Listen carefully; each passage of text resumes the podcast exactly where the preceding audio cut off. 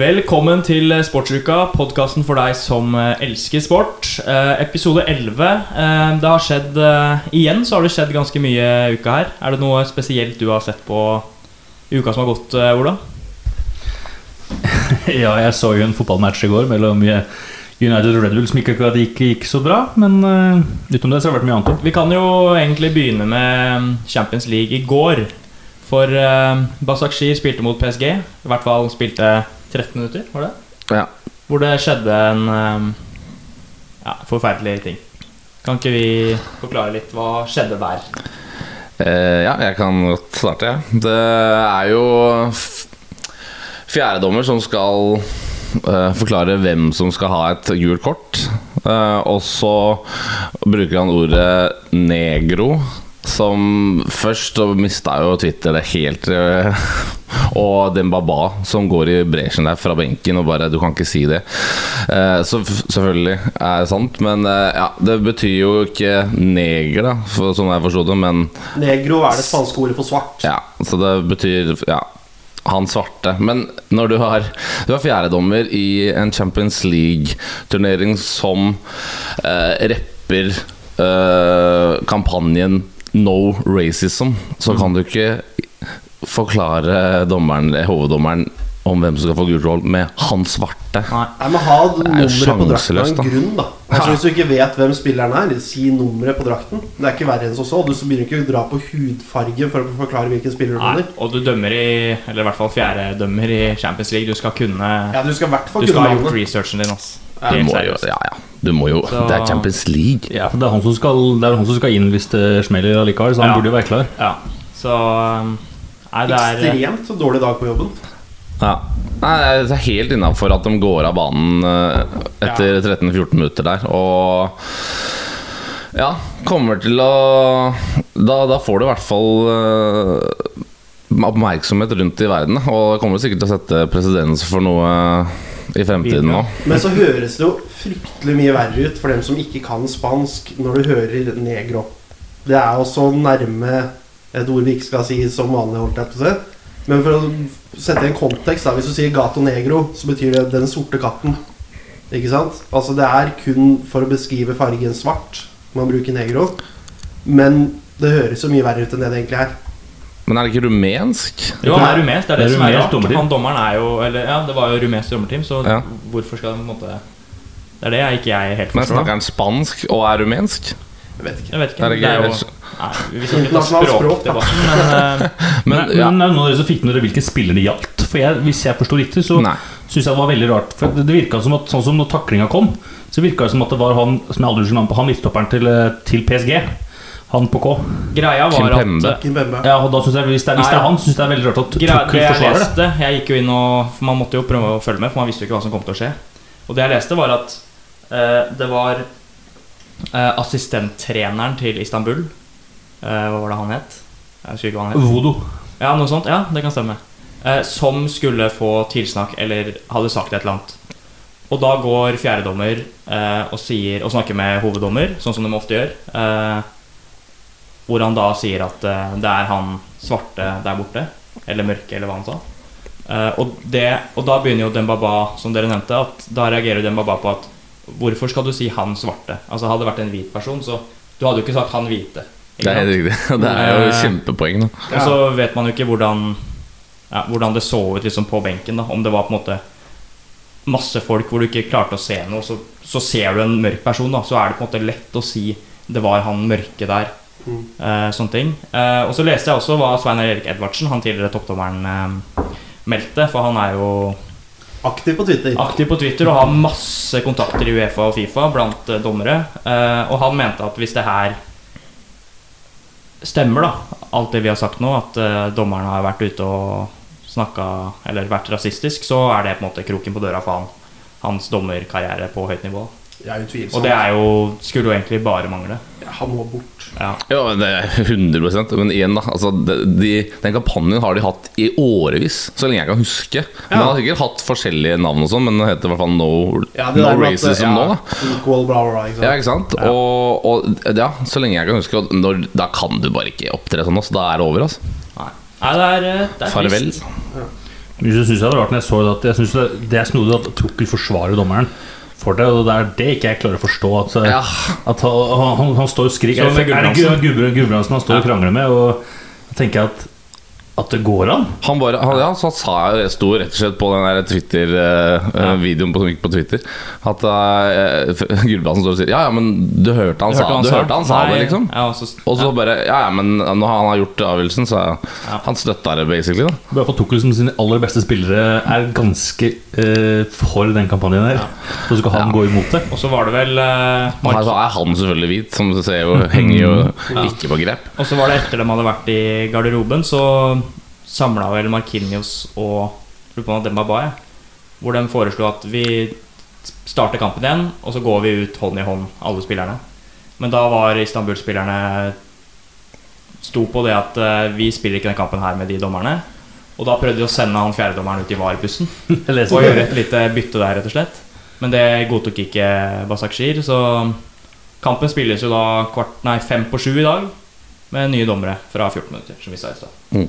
Så det står jo om gruppe, Gruppeseieren. gruppeseieren, eh, fordi eh, det er ikke United de kjemper eh, om gruppeseieren med, Ola, men eh, RB Leipzig. Kan ikke du Nei, men eh, forklare litt hva som skjedde i går i eh, Jo, det kan jeg gjøre.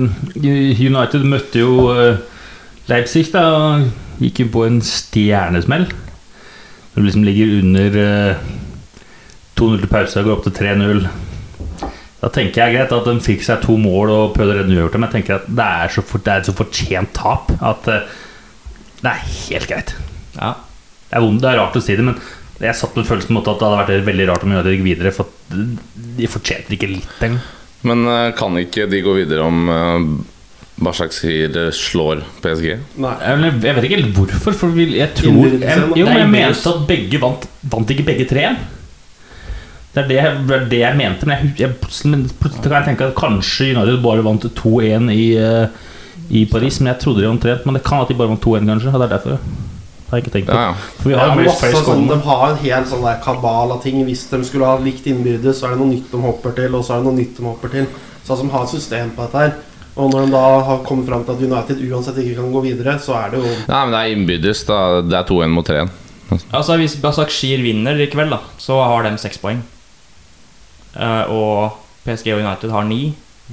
Um, Da går det på innbyrdes. ja, og der har vel um, 3-1 mot 2-1. Jeg er ganske sikker på det, tror jeg.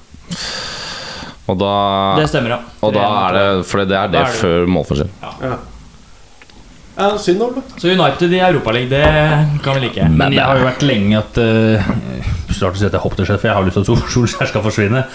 Men uh, ja Taper eh, Ja, jeg, jeg kan Ja, ikke si det. det er mitt neste spørsmål, skjønner du. Eh, Solskjær, hvor eh, trygt sitter han nå? Altså, Champions League ryker ut i gruppespillet. Det, Nei, altså eh, Han har jo styggen på ryggen igjen. Da.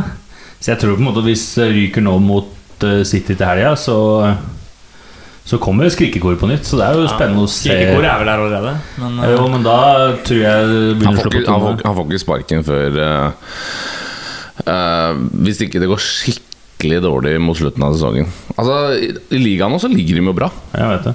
Hadde de gått videre i selen nå, så hadde de jo sett dritbra ut. Men altså, for eksempel, det er jo ikke United sin skyld at, at eh, de ligger bra an i Premier League. Det er at alle andre har vært ræv. Det er jo det er, s- snuoperasjon hver gang. da Taper første gangen, og så vinner du andre gangen. Det er nå man skal sette penga på United. For vi ser det Hver gang disse hengekampene på Solskjær er der, Mm. da vinner United ganske overlegent. Så jeg tror Ola kan få seg en fin kveld når jeg sitter mot United. Jeg satt på, satt på snuoperasjonen igjen, jeg, da. På United det, i sist runde på i Premier League. Det, det hadde jo vært litt typisk om dere faktisk klarte å få den siste skåringa i går. da Ja. Litt sånn mot av odds, men uh... Men det hadde, det hadde vært en veldig rar bismak, faktisk. Fordi at jeg syns at jeg, jeg mener jo at Jeg synes jo det flotte med fotballen er at det skal være at det beste laget skal vinne, og at det skal være litt fair. da ja, Det er så jævla kjedelig når alltid de beste alltid bare skal flakse gjennom. Så, det litt, så jeg syns det er fortjent da at eh, United røyk. jeg tror du hadde smilt i dag hvis dere hadde fått 3-3. Helt klart, men på en måte at jeg synes likevel at jeg sitter ikke med noe sånn Det er ikke noe bitterhet nå. Nei, da. Hvis jeg må velge mellom eh, Solskjær og Sørloth, så velger jeg Sørloth Ja. videre. Ja. Vi kan heller få Solskjær eh, på Aker stadion mot eh, Molde. i Europa. Det er gøy. Ja. Ehm, vi skal jo Skulle jo egentlig snakke om United PSG forrige uke, men eh, jeg tror vi dropper det. Så går vi til uh, Sørloth, som vi nevnte forrige uke. Han eh, kom jo ikke inn i går, men eh, forrige runde i Champions League så spilte Sørloth og fikk seg eh, ja, store opp. helten. Dukka opp på overtid, han. Og, og blei ble helten, ja. Vant vel da 3-2. 4-3. 4-3. Rysere. De lå vel under eh, ganske mye òg. De lå vel under eh, 2-0? Eller var det 3-0? Jeg lurte nesten på om det var Det jeg burde husker ikke. de lå, De lå under, i hvert fall. Ja, de lå under eh, Men jeg er litt spent på hvordan det går med egentlig når du er inne på Sørloth. og inni der, For i går så fikk han ikke ett minutt engang. Og ja, spent på eh, hva de driver med. De starta, men de starta uten spiss i går. Har Ja, Olmo på topp. Han er, han er jo ikke spiss. Han kan spille spiss, da. Nei, men jeg tenker at eh, Jeg hadde jo sittet med Hadde jeg vært sølv, hadde jeg tenkt at ja, spiller, her, stiller her uten spiss, en kamp vi må vinne. Det er akkurat det samme som i Palace. da De hadde masse spisser, og så endte de opp at de ikke brukte spisser. Ja. Og Jeg vet ikke om dere har hørt den episoden med Heia fotball med Sørloth? Hvor han da sier hvor måte, nedverdigende det er når du er spiss, og så bruker du en annen som ikke er spiss i Mm. spissposisjonen. Ja. Det er på en måte det ultimate nederlaget som spiss, da og nå skjer det på nytt i ny klubb. Ja. Det der er ikke bra for selvtilliten. Men da du så liksom den scoringa du så de TV-bildene, så så du bare at det var sånn 100 kilo da, som falt Ja. fra skuldrene. Og bare, han bare så oppover, lukka øya og bare ah, Det sa jo Den trengte jeg. Og da er det litt sånn typisk altså, god coaching. Da. Og da mener jeg jo at Nagelsmann er en god coach. Så setter du han fra start i neste match, men han gjør jo ikke det. Det er jo selvfølgelig mot Bayern, da. Ja. Det hadde jo vært eh, strålende, tenker jeg. Men uh, du må jo spille på det momentumet. Eh, Og så er det benken to, ganger, to kamper på rad etter det. Det er litt rart. Jeg tenker jo at det må jo være noe på treningen her, at han ikke leverer på trening. Da.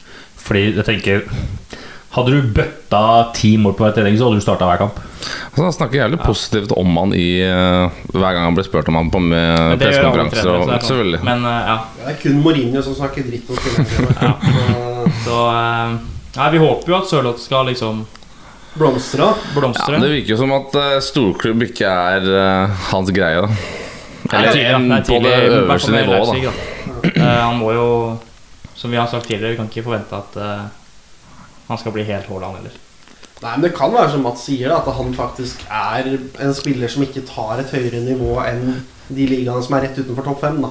At han må finne seg å spille i type Nederland, Tyrkia, sånn type liga, hvor han kan herje litt. Men at eh, i hvert fall nå, da, at eh, Premier League, Bundesliga, de høyeste ligaene, det er for høyt for han. da. I hvert fall når han skal spille på lag som RB Leipzig, som ligger på andreplass i Bundesliga. Eh, Men hva mer kan han gjøre? Han bøtta jo inn mål i Tyrkia. Altså, han kunne ikke gjort noe bedre i Tyrkia. Nei. Nei, Igjen, da, så, så Hvis han hadde blitt satsa på som han ble i Tyrkia, i både Palace og nå i Leipzig, så det har vi på en måte ikke fått sett ennå. Han har ikke fått muligheten sånn ordentlig nei.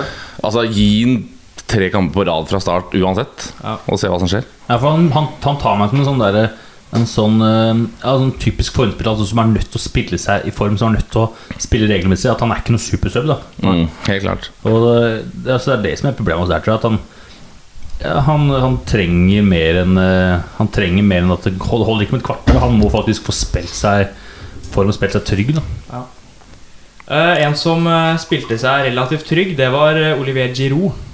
Bøtta inn fire kasser da, forrige uke mot uh, Sevilla. Ja. En kamp som eh, Det betydde jo faktisk ganske mye for den poden her, hvis man kan si det sånn. Vi Ja. hadde jo et eh, veddemål hengende, Ja. for dem som husker det. Jeg Vi husker det! Vi husker det, ja. Ja, nå tenkte jeg på lytterne, jeg da. Men eh, jeg og Veksel vi trodde jo at Sevilla skulle bli gruppevinner. Så lenge ut som de kunne bli det òg. Spilte uavgjort på Stamford Bridge og hadde en god start på det. Og så taper de så de synger når de kommer hjem til Spania. 4-0 på hjemmebane. Alle har Giro. Det- Og det er jeg ganske sikker på Det er lenge siden Sevilla har gjort på hjemmebane. For vi snakka Ja. om det at hjemmeformen deres er helt uh, Ja, er dritbra. Og så er de jo helt syke i Europa, spesielt Europaligaen. Ja. Mm. Men uh, ja, det at de skulle gå på en 4-0 der Riktignok med svekka lag, Ja, vel, men det var jo Chelsea òg. begge Giro stilte- spiller jo ikke regelmessig. Nei, Begge laga stilte jo eh, skikk- ordentlig B-prega. Mm. Uh, men uh, Man skårte vel med liga nå, gjorde de ikke det? Jo, men de, de, har ikke, de, har ikke Giroud på B-laget sitt eh, der. Og han, du vet, alle vet jo hva han kan få til. Og da var jo virkelig god dag på jobben for han. da Han er jo helt vilt god. Han er kjempegod. Kanskje verdens mest undervurderte spiss? Ja, en av de i hvert fall. Nå, kanskje? Det, Jo, men sånn generelt, altså, Han har vunnet VM hver gang han spiller, så er han jo relativt god. ja. Mm. Likevel så er det sånn Nei, Giroud er, er ferdig. Altså Sist gang jeg har, kan huske at han som spilte sånn At han var første, første spissen på, på blokka, det var jo tidlig i Arsenal. Ja. Det var når han spilte sammen med han som kom fra øh, han, han franskmannen som ikke har fransk navn, som jeg aldri på. Han, er, han har sånn tunisisk navn. Eller noe. Shamak. Shamak, ja. Maran Shamak. Han er fin å dra på er spiller. Men uh, ja, det Det var da han skåret det skorpion, syke skorpionmålet. Og Han har en eh, unik evne til å bare skåre sånne sjuke mål. Og... Det var straff her òg. Er Ja. forberedt? Nei, vi tar den eh, Jeg tenkte litt på det, men eh, jeg tror vi tar den neste uke. Så får dere, Deilig. ja. Får dere skjelve litt til. Da skal dere altså synge en Chelsea-låt som jeg og Ola skal plukke ut. Ja. Så det blir, eh, det blir bra. Følg med neste uke. Da Det har er- vi en sånn liten cliffhanger til neste episode ja. Chelsea-låt, ja. ja. Og så kan vi bare nevne at uh, Jens Petter Hauge fortsetter å levere borti uh, Italia der. Um, Om. Står nå med to kasser og en assist i Europa League. Kom vel inn, eller starta han mot Celtic? Litt usikker. Jeg så ikke matchen. Um, Han han starta. Ja, han starta mot Celtic. starta, Ja. ja. Mm. Fikk seg en uh, scoring og en assist. Han er uh, bare kjempegod, da. Det var gøy å se. Hvis ikke, jeg- hvis ikke jeg er så feil, så, så jubla faktisk Zlatan på benken når han scora. Og da tenker jeg, det er ikke ofte du ser Zlatan juble når andre scorer mål. Altså. Nei. Men jeg kan se på at de kommer litt overens. Altså De prater nesten samme språk, hvis man kan si det sånn. Litt samme type. altså Nå er ikke Hauge like cocky som Zlatan, men jeg kan se for meg at han kan dra en spøk på Zlatan. da Og Jeg tror det kan være litt morsom duo å ha i garderoben der. han er sånn typisk uh, breial nordlending, han eh, JP der også, da. Men eh, altså, jeg ser sånn Nå ser jeg faktisk hver Milan-match. For jeg synes det er fett å se på hvordan det går. Og eh, mer og mer så ser lag- lagkameratene til Jens Peder Hauge. da hvis, de, hvis de er usikre på og ikke klarer å, å komme igjennom. Og det er helt rått å se på han bare utfordre de- bek, Ja, rett på. bekker. Altså, rett på! Ja. Og det ser du på både skåringa og assisten. Drar av én, kanskje to mann, og så ene, så uh, Ja, drar den faktisk av to-tre stykker. Legger den i hjørnet helt fantastisk med, bredsida. Og på assisten så gjør han akkurat det samme. Og så nydelig stikker til eh, Brahim Diaz. Det er jævla gøy, da. Se for deg at hvis dette er litt sånn Altså Nå skal jeg ikke begynne å sammenligne med Brauten med en gang, men hvis dette er litt det samme som vi så av Brauten i Salzburg Kommer opp, begynner å herje da i på en måte et litt mindre lag enn hva den er. Ja. Og kanskje vi kan se noe stort noe der òg. Ja. Jeg liker at du sammenligner Salzburg og Milan. Nei, jeg, jeg, skjønner, jeg skjønner hva han mener. Eh, og så er det selvfølgelig er det forskjell på Milan, men Jo, det fins større klubber i Milan. Så man kan på en måte Historisk sett kanskje nei, men Ja. da mener jeg på Akkurat spillmessig nå, nå. da. Ja, ja. Så er ikke Mil Altså Nå er det gode år, men sånn de siste fem åra så er ikke Milan et storlag lenger. Hatt eh, vært ligget med brekt rygg i mange Ja, år. ja, og, men nå, da, så er det jo Og så tenkte jeg så gøy da, å kunne være med på den bølgen hvis Milan nå virkelig får opp til blir den storklubben de Ja. var en gang. da Ja. Å være med på den reisen der. Ja. Det var kult for dem. Altså. Ja. Uh, du nevnte brukket rygg, eh, Mats. Et lag som kanskje ikke ligger med brukket rygg, men eh, i hvert fall kink. Det er Barcelona. Det er korrekt. Nei, de har brukket alle Brukket rygg. kroppen. Altså. Nei, nå, har vi prata om, uh, om ett steg fram og Nei, to steg fram og ett tilbake. nå er det 50 tilbake. nå, nå, altså Den karusellen som heter uh, Ronald Coman, var uh, gøy i starten. Uh, litt sånn kvalmende på vei rundt, men nå kan du legge ned sjappa, Ja, Ja, er så dritt. Altså, hvis vi tar en referanse med berg-og-dal-bane Nå er vi midt i loopen, og så har den stoppa opp ned. Det, Ja. Legge ned sjappa, ass. Ja, alle er henger. ass. Men er Brannvesenet er på vei for å få folk ut av det som var så av flaut òg, hørte du rutsjebanen. hørte pressekonferansen med Kadis-treneren etter kampen? Ja. Han tok jo bare knakk sammen uh, Koman på alle mulige måter. På sånn høflig, fin måte i en pressekonferanse. Bare sånn Jo, Barcelona er fint lag, det. Og Barcelona hadde hva for noe? 83 ball possession og noe. Mm. Og så får han spørsmålet sånn Ja, mm, føler du ikke at dere ødelegger deres egne muligheter når dere liksom har så lite ball, da? Så sier han jo Nei, altså, med all respekt til mine spillerne vi, vi har ikke i nærheten av Barcelona sine spillere, så vi må da kontre, og vi må la dem ha ball. Mm. Men hvis du ser på taktikken til Koman her, da, så er det ikke veldig vanskelig å skjønne hva de gjør. Og så starter de uten Dembélé og setter på Coutinho, som er da vår sterkeste spiller som vi kan spille mot. Han bare radbrakk hele jævla taktikken til Koman der og bare fortalte hvorfor de greia for Barcelona. Det, Ja, men det, er, altså, det, er ikke, det er jo ikke vanskelig å dekode det de holder på med. Det er jo altså, For det første, Cádiz er kjempeheldig. De får begge måla dem får dem av Barcelona. Men, Ja. det, men det er ikke noe unnskyldning, fordi ja, fordi vi er dårlige. skaper jo ikke nok i det hele tatt. Uh, taper jo også da i, uh, går i Champions League 3-0 mot uh, Juventus. Uh, Riktignok en fryktelig billig, den første straffa. Men, og Messi kunne sikkert skåret 3-4 i går alene, men resten av laget bare henger ikke sammen i det hele tatt. Og eh, jeg dro en sammenligning til dere i går med at du ser mye av det du så mot slutten av Southampton og Everton. At det er bare lag som er så uorganisert. da Du kan sammenligne det. ja, men jeg sammenligner ikke verdensklasse jeg sammenligner- hver Hva sammenligner- posisjon. ja, men jeg sammenligner ikke lag Jeg sammenligner jo coachen som setter opp laget.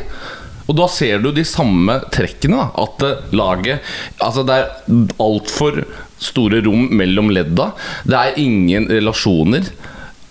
Det faller Men- helt sammen. Relasjoner er jo altså mange nye spillere er det der fra i fjor òg? Som spiller i elveren? eh, så å si ingen. Det Nei, relasjonene har jo alltid vært der. Jo, det er jo er Nå er det jo det, det, er jo, det Forsvaret er jo halv, Halve forsvaret er jo Spilte jo ikke A-lagsfotball i fjor Ja, engang. Dest Miranges. Ja, og så har du Pedri Ja. er ny. Coutinho er jo ny tilbake. Han har jo aldri hatt noen relasjoner til noen i den klubben. Uh, men jeg snakker, om, jeg snakker mest selvfølgelig om hvordan han setter opp laget. Og Jeg, jeg er ikke uenig med deg. jeg snakker er ikke om å det. sammenligne spillerne fra Southampton og Everton. Nei. Men jeg snakker om selve lagoppbygginga. Det er ræva. Altså, alt er ræva nå. Altså, etter Maradona Messi hadde den der uka hvor han hyllet Maradona, så virker det som han bare skrudde av bryteren. Mm. Nå er det liksom Ok, nå har jeg hyllet ferdig Maradona, nå gidder jeg ikke mer. Nei. Dere er jo bare ett poeng over Spania og Tottenham òg. Ja, altså Så hørte jeg noe annet nå også som bare er litt sånn kroken på døra, hvis man kan si det sånn. Mm. Uh, poengforskjellen nå fra Barcelona til seieren Vi har aldri vunnet ligaen når vi har ligget så langt bak. Tolv tolv poeng bak Atletico Madrid. Vi har aldri vunnet seieren Nei, vunnet ligaen når vi har ligget 12 poeng bak. Jo, det er det, tror jeg. Eller er det 15 nå? Jeg tror det er Ja. sånn. Ja, Det er i hvert fall, det i hvert fall 12 poeng. Altså, nå kjemper vi om å få lov til å spille Champions League til neste år. Ja, det er, det, er, det er jo det er så dårlig. Det er jo, det skal sies, altså, det, I Champions League så hadde jeg ikke tapt før, før i går, men eh, det er bare Jeg sa jo før sesongen, nei, før sesongen at jeg ikke var fan av den signeringa, og så var det sånn litt morsom eh, opptrener her og der, men det var kanskje mest pga. Pedri og litt sånn spennende Det var gøy, for unge vi fikk gutter. inn Trincao, Pedri, Ansu Fati leverte. Unggutta, Dest viste seg litt fram. Men det var ikke sånn Altså Vi har snakket om det, det er berg-og-dal-bane. Vi har hatt noen kamper som har vært veldig bra, og så har vi hatt noen kamper som har vært skikkelig skikkelig ræva. Mm. Men nå har vi bare gått i bånn av den berg-og-dal-banen. da. Nå Mm. er vi på skikkelig ræva, Altså, noen ganger så får man sett OK. Og så så du liksom Koman gikk bort til uh, Juventus-gutta og sa et eller annet, og de, de to satt jo bare og lo han og bare hva er han driver med, og det er, bare, ja, det er, så, det er så pinlig nå. Altså Vi, vi kunne ikke hatt dårligere team å få inn sammen. Nei, det- det- det det, det presidentvalget i januar, det, det, Det kan, må det, komme fort det må komme fort. Der lurer jeg på en ting. Dere snakker om at Koman ikke er taktisk god nok og sånn.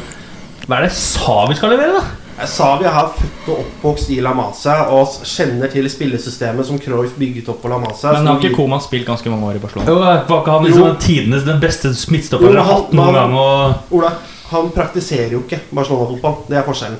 Hvis du ser på hvordan uh, Savi trener Nå ser ikke jeg mye på Al-Sad, Al-Sad, Al-Sad anyway. Mm. Eh, men han praktiserer Barcelona-fotball i måten han trener. Det gjør jo ikke Koman. Det er forskjellen her. Ja, Koman kan det, man velger jo ikke å bruke det.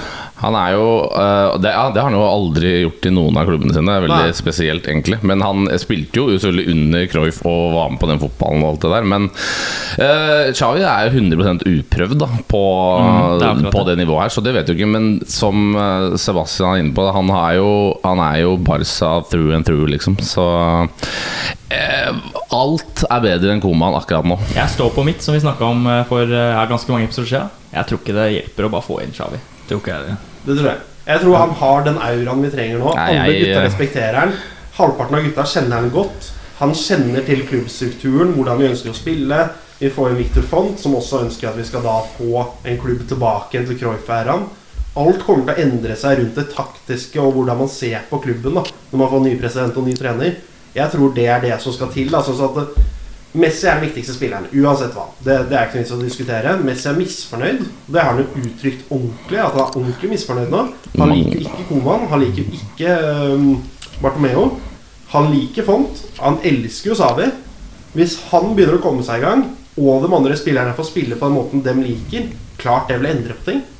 Altså Jeg sier ikke at vi kommer til å vinne Champions League og ligaen på første forsøk, men det vil jo endre ting. Ja, altså Fallhøyden vil jo være høy for, en, for Xavi uansett, men den vil være, ikke være like høy nå etter, etter det komaen har Ja, eller eh, vil den være så høy? Ja? For kan dere ikke like godt da sette på Messi som spillende manager? Hvis, hvis du skal, hvis du skal bruke en uprøvd fyr som spiller Barcelona-fotball? Nei, det er bare Det vil være høy innad i Ja, okay, sånn, Barcelona, ja, ja. Altså for Barcelona-supportere. akkurat nå har det ikke sånn Nei, hvis, nei. hvis han skulle kommet inn nå, så har han ikke så mye å Nei, nei, ut, utad så er det ikke det i det hele tatt, men innad så er det, jo- blir det jo men er det Men han er, altså, på, på lik linje med eh, Frank Lampard så er han utrolig intelligent og utrolig fotballintelligent og vet eh, Har vært med på alt det Pep gjorde i sin, sine glansdager, og var liksom høyrehånden eh, i spillergruppa der. Mm. Så Det er derfor man har troa på det. Og så har han jo et nå veldig ungt lag da som man kan på eh, Utvikle. ja, utvikle. Så er det jo en av de få spillerne som har gått helt fra starten av La Masia, altså fra du er ung nok til å kunne komme inn, og gått hele veien. Dem fins ikke mange av lenger. Altså. Nei. Og Nei, det er Ricky Pooch som eh, har fått kommet inn nå men to han har ikke gått hele veien. Nå snakker jeg om fra du starter til du legger opp. Ja, det er riktig. Vi må videre. Eh, vi kan jo nevne at eh, Fugla har uh, rykka opp fra Obos-ligaen. Det er altså Lillestrøm. Ja. Oppe igjen. Ja, er det det? Det er jo altså, ja, altså, du er Nei, Vålerenga-sporter. da. Det, er- Det er- det, er det er jo et av de kuleste oppgjørene som fins i Eliteserien. Ja, det er det. det, er det. Jeg vil ha, dem, eh, jeg vil ha dem tilbake. Det var nydelig å se dem rykke ned. Og nå som Vålerenga kjemper i toppen, så eh, gjør det ikke noe at dem kjemper i toppen av Obos. Det, det går fint. Jeg leste det var en eh, fyr på Twitter som mente at eh, det er kulere å ha de Altså, vi trenger at Det var en Vålerenga-sport, selvfølgelig. Altså, De trenger ikke å rykke ned, men de kan være helt nede i bånn der og knive hele tida. Ja. Og så kan Vålerenga bare få seks poeng av hver, og så får man de kule oppgjøra. Ja, det henger jeg med For det er jo syk stemning. Jeg har vært på ett av de oppgjørene, og det er jo det er kjempekult. Er er på mange av de oppgjørene. Det er uh, fullstendig kaos og, og god kok. Og så får jo Hallingdal en mann i, i Eliteserien. Det er det få som bryr seg om. Jeg var jo på Åråsen nå, på Lillestrøm Koffa. Og det er en lite hyggelig stadion å være på. Fy faen, for noen bønder hele gjengen. Står her og melder at dommeren er tjukk og skriker på han i 90 minutter. Og Nå skal ikke Vålerenga-supportere melde på Det- supportere som melder mye rart. Det gidder jeg faktisk ikke å men, høre på. men LSK-supportere er hakket Ja. verre, faktisk. det er nominert til det minst fair play-laget i Eliteserien i fjor. Nå er jo vi Men inhabile begge to, da. Men Hvis det er fair play. Det er laget.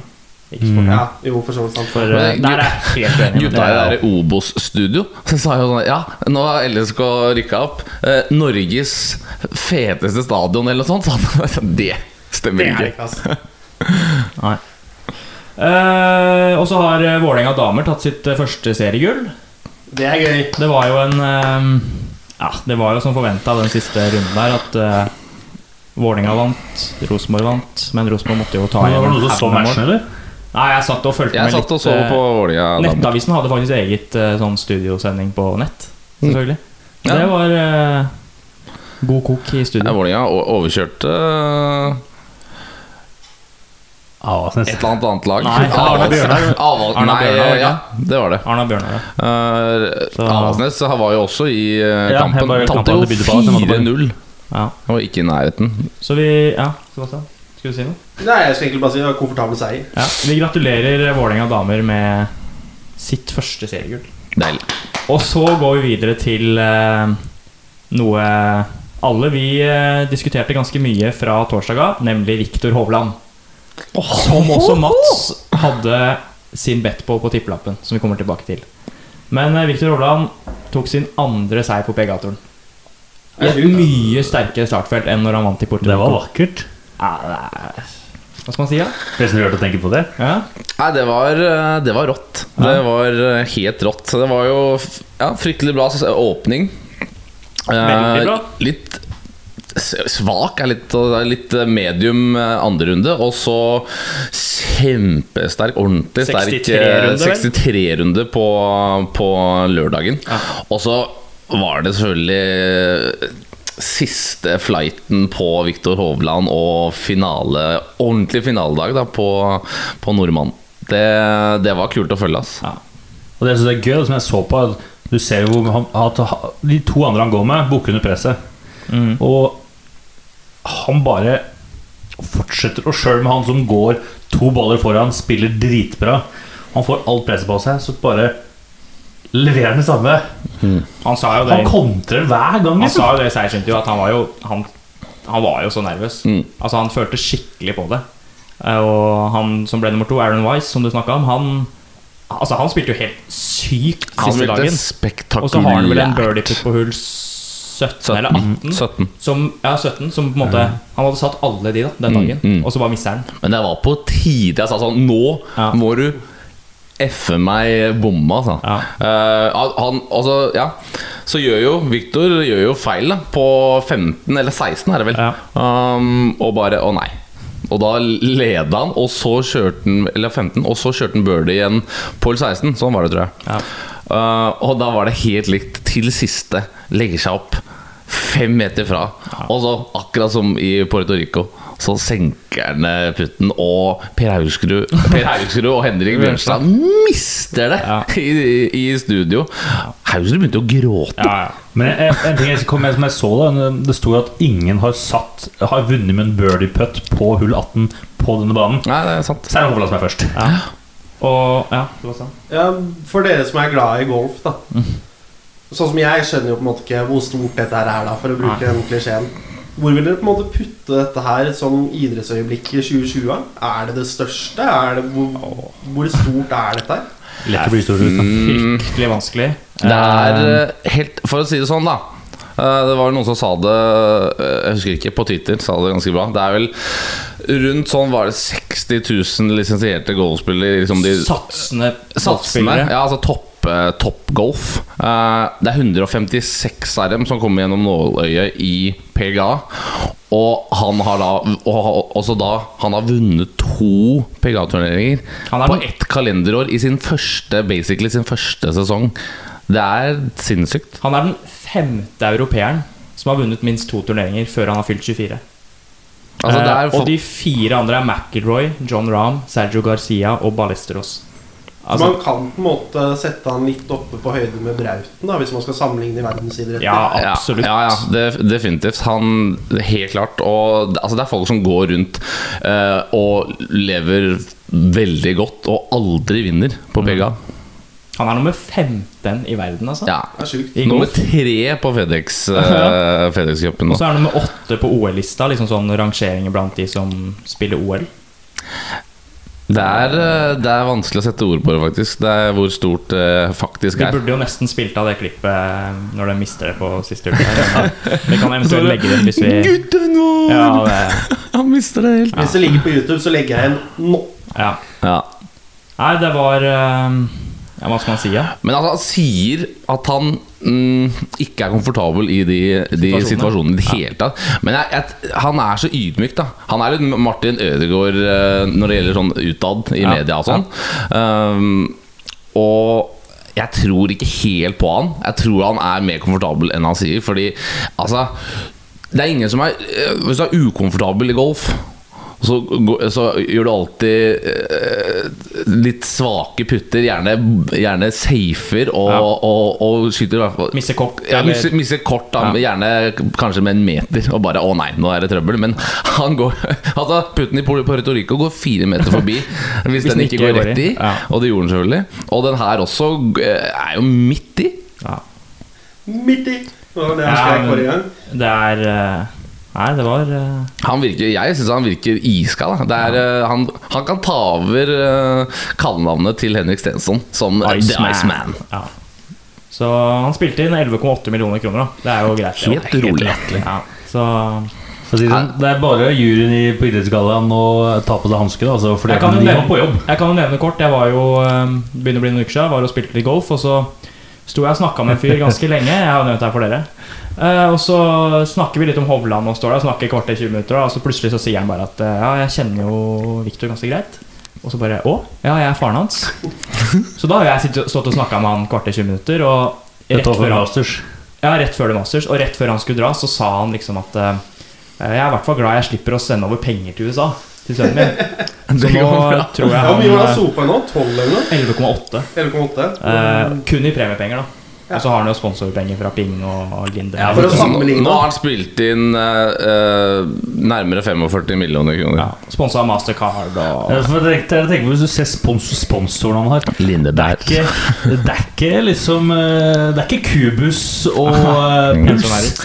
Nei, det er Ping og Lindeberg og Mastercard og Nike ja. og Det, det går bra. Det bra går bra. Han er jo en Altså Jeg tror det er vanskelig for oss å forstå fordi vi ikke bor i USA eller er i USA. Men han er jo Han er så likende borte i USA fordi han er Han er på en måte en college-spiller. Han er fra Norge, men han er jo Når du hører han snakke engelsk, f.eks. Han er jo en amerikaner. Ja, Og amerikanerne elsker jo de typene som Ja, som du sa, er litt sånn ydmyke, da. Selv om mange amerikanere er veldig liksom Kan være breiale. Ja. Men, uh, Men ikke i golfen. Nei, og han er jo Altså, han er jo helt Ja, nå har jeg sagt det mange ganger. Han er jo helt vill. Ja, men eh, jeg syns også det er verdt å nevne at en av de som, eh, som brauta litt vei fra uh, samme college som, uh, som Victor gikk på, Oklahoma State, Ricky Fowler, ligger jo Nå veit jeg ikke hva som skjedde etter turneringa, men han lå på 48.-plass uh, på Fredriksen. topp 50 nå, ja. Ja, ut, altså det er helt vanvittig. En av verdens Altså egentlig en av verdens beste golfspillere. Og nå er han ikke kvalifisert til De største tingene. de største tinga lenger. Altså. Kan du også nevne at Hovland med seieren så får han jo da full kontrakt på PGA-turen ut 2023. Ja. Men så er han jo nummer 15 i verden, så han, det skal godt gjøres at han faller utafor topp 50 nærmeste året, liksom. Ja. Eh, og han trenger jo eh, Fordi han må være topp 156 på FedEx-lista for å kunne spille første playoff-turnering på slutten av sesongen. Og nå når han har vunnet, så trenger han kanskje ikke å spille en PGA-turnering for å opprettholde topp 156. da Eh, Så nei, det, vi kan ta med at Ventura også var med. da Han mista dessverre cutten, men det får bli en uh, Ja. Ja, han får feire på Hovland sin. Ja, Og så tenker jeg at eh, Nå har han to seire allerede. Og jeg tenker at Han kan bare senke skuldra. Og det, er, det er sånn Det er en perfekt start på en uh, stjernekarriere når du allerede blir eh, kalt eh, et supertalent. Da. Hva er det tutta? nå- 14? Jeg tror hun var 14. er jo noe sånt. Og så har vel hun eh, Da var det major eller to, da, men Ja. eh, jeg tenker jo liksom uansett da, hun- Han har allerede to, og hun har 14.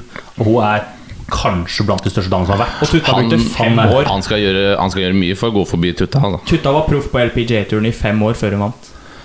Ja. Så Og han var der i et par måneder. ja, han har vel vært proff et år nå. Ja, men, Han var jo- ja. Før han vant første gang. Sist han spilte Mayakoba, den turneringa her nå, det var i 2018. Da var han nummer 2000 på verdensrankinga, og han mista cutten. Mm. Så nei. Vi, eh, vi kommer nok til å snakke mer om Hovland eh, seinere i årene som kommer. Hvis den podkasten her lever. Det håper vi jo. Det vil vi satse på. Ja, eh, Håndball-EM er jo eh, i full gang. Eh, Norge står med full pott etter to kamper. Og eh, vi vinner vel mesterskapet. Det, Det er tidlig å si, men det ser jo lovende ut. Det gjør det. ja, ja. det er ikke noe Det er ikke jul uten EM med håndballjentene. Og eh, litt som, eh, som det pleier å være, så, så raser det laget mot uh, gull. Og jeg så, har bare sett én kamp så langt, og det var mot uh, Tyskland, som skulle være det tøffeste hinderet i den gruppa. Overkjørte Tyskland. Skårte 42 mål mot 23, eller hva det var for noe. Det var fullstendig pissing. Veit ikke hva som skjedde. Nei. Det var imponerende. Ta med seg to poeng inn i mellomspillet, og så Ja, som sagt, vi fire poeng. Ja, og Så så vi tar med oss full pott inn i mellomspillet. Stine Breda Oftedal, sa jeg det riktig? Ja. Ja, det sånn. Ble omtalt som håndballens Lionel Messi, og eh, var fornøyd med det i etterkant av kampen også. Er Selvfølgelig. Ja, Så vi satser på at eh, Norge gjør eh, rent bord. Ja, vi får følge opp det til neste pod, da. Så det er hva som skjer da. Eh, vi må over på vintersport. Vi kan starte med hopperne våre. Altså, Vi kan starte med de mannlige hopperne som har vært i Russland og ja, Pissa litt. pissa litt borti Russland der. Starta på lørdagen med Granerud. Han eh, vant. Robert Johansson satt ny bakkerekord, ble nummer tre. Uh, Granerud leder verdenscupen sammenlagt. Og uh, Jeg vet ikke om dere så på, men det var uh, Jeg så på. Men jeg har lyst til å bare komme med en ting som jeg syns er litt synd. Ja. Og det er det at når du setter bakkerekord og ender med å ikke vinne, sånne ting, så syns jeg det er trist. Jeg, har, jeg syns hopp har mista litt av den sjarmen fra da jeg var liten, hvor du på en måte Den som hoppa lengst, den vant som oftest, da. Jo, men når du hopper, når du hopper ti meter kortere da, enn lederen i første omgang, så er de skal de mye til at du vinner opp til bakkerekord i andre omgang. Han Jo. hopper opp fra 25.-plass. Men uansett så er eh, hoppgutta i vinden. Absolutt. Eh, Ordspill. ja, det, var. Eh, det var jo eh, dominans på søndag. Da tapetserte vi jo pallen. Granerud 1, Johansson 2 og Lindevik 3. Endelig var eh, Og skyldte det skilte slutt. Ja, det var på 0,9 poeng. Det var skilte 0,9 poeng ja, mellom de tre. Og så nevner jeg at Forfang ble nummer syv, så vi var jo fire blant de syv beste. Eh, og nå kommer jo skiflygings-VM eh, på torsdag. Ja, det blir Der burde vi ha gode muligheter. Men hvor er skiflygsvøm i år? Planica. Planica. Så her skal ja. flys. Nei, men det Så er det, med... det er det morsomste å se på. Skiflygning. Ja. Ja. Hvor den bare Ganske lavt, lavt, og så bare stikker du ut av bakken. Og så, ja Jeg får glemme glem det. ja, for Johansson hadde jo litt sånn skiflygingshopp når han satte bakrekorden. For han fikk den derre Det så ikke gå så langt, og så bare fikk han med Ja. seg bakken. Han er jo helt ekstrem. Hvis dere ser Bare følg med på Robert Hansson neste hopprenn. Hvordan han på en måte bruker armene. Altså, han Mm. ligger jo aldri stille i lufta, sånn som slovenerne, blant annet. Fikk bokstavelig talt 'second wind', hvis dere kjenner til det uttrykket. Ja, han der um, øh, Evensen forklarte jo bra Ja. på sportssendingen på NRK. Hvor han dro fram den dukken og på en måte sammenligner armene til Johansson med sånn flaps på fly. Mm. Hvordan den beveger seg for å på en måte oppnå den der siste oppdriften, det? Oppdriften, på slutten. Ja. Ganske fascinerende å se hvordan han forklarte det. Det, Mm. det ga meg peiling, Altså. Ja. Reven Evensen er en dyktig eh, ekspert. ja, han har vel hatt verdensrekorden i hopp, han. Yep. Altså lengste hopp. Ja. Så han kan fly. Ja. Eh, så må vi jo ta med at Lundby ble eh, norgesmester. Gratulerer. Første eh, storbakke-NM for damene. Ja. Det er jo på tide. Det er ikke noe Absolutt. Nei. Det er ikke noe At hun tar det, nei? Tenker du på? Nei. Ja. Så hun har jo vært ute med jumpers 9, ironisk nok. Eh, men uh, Nice. ja, de hopper jo da NM, for, for verdenscupen er jo fortsatt ikke i gang for damene. Ja, for Den begynner ikke før til jul engang. Og det? det er jo litt sånn Hvorfor skal de Hvorfor kunne ikke de begynt? Ja, for Der har jeg aldri skjønt noe sånn. Hvorfor kan ikke bare de følge gutta?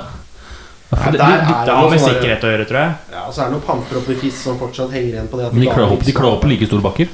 De har bare, Ja. de har bare større avsats. Ja. Det går bra for Norge i ganske mange idretter nå, har jeg inntrykk av. Ja. Veldig. Altså Du kan nesten dra tilbake igjen til det der um, quotet til Christian Påske fra Tour de France for noen år tilbake igjen.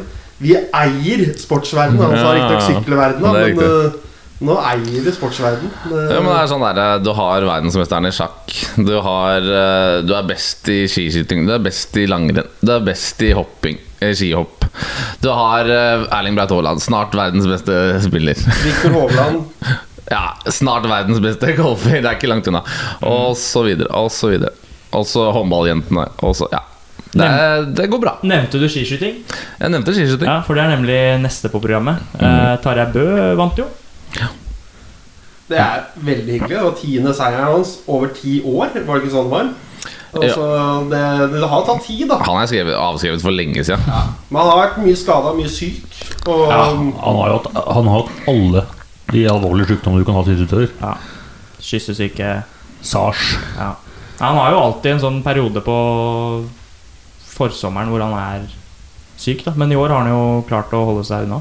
Jeg, jeg tenker hodet, motivasjonen, den, eh, den var helt vill. De, de fleste hadde bare sagt lagt opp du, Jeg gidder ikke mer. Nei, det, det, det er sterkt. Han ga er første seieren siden 2017 òg.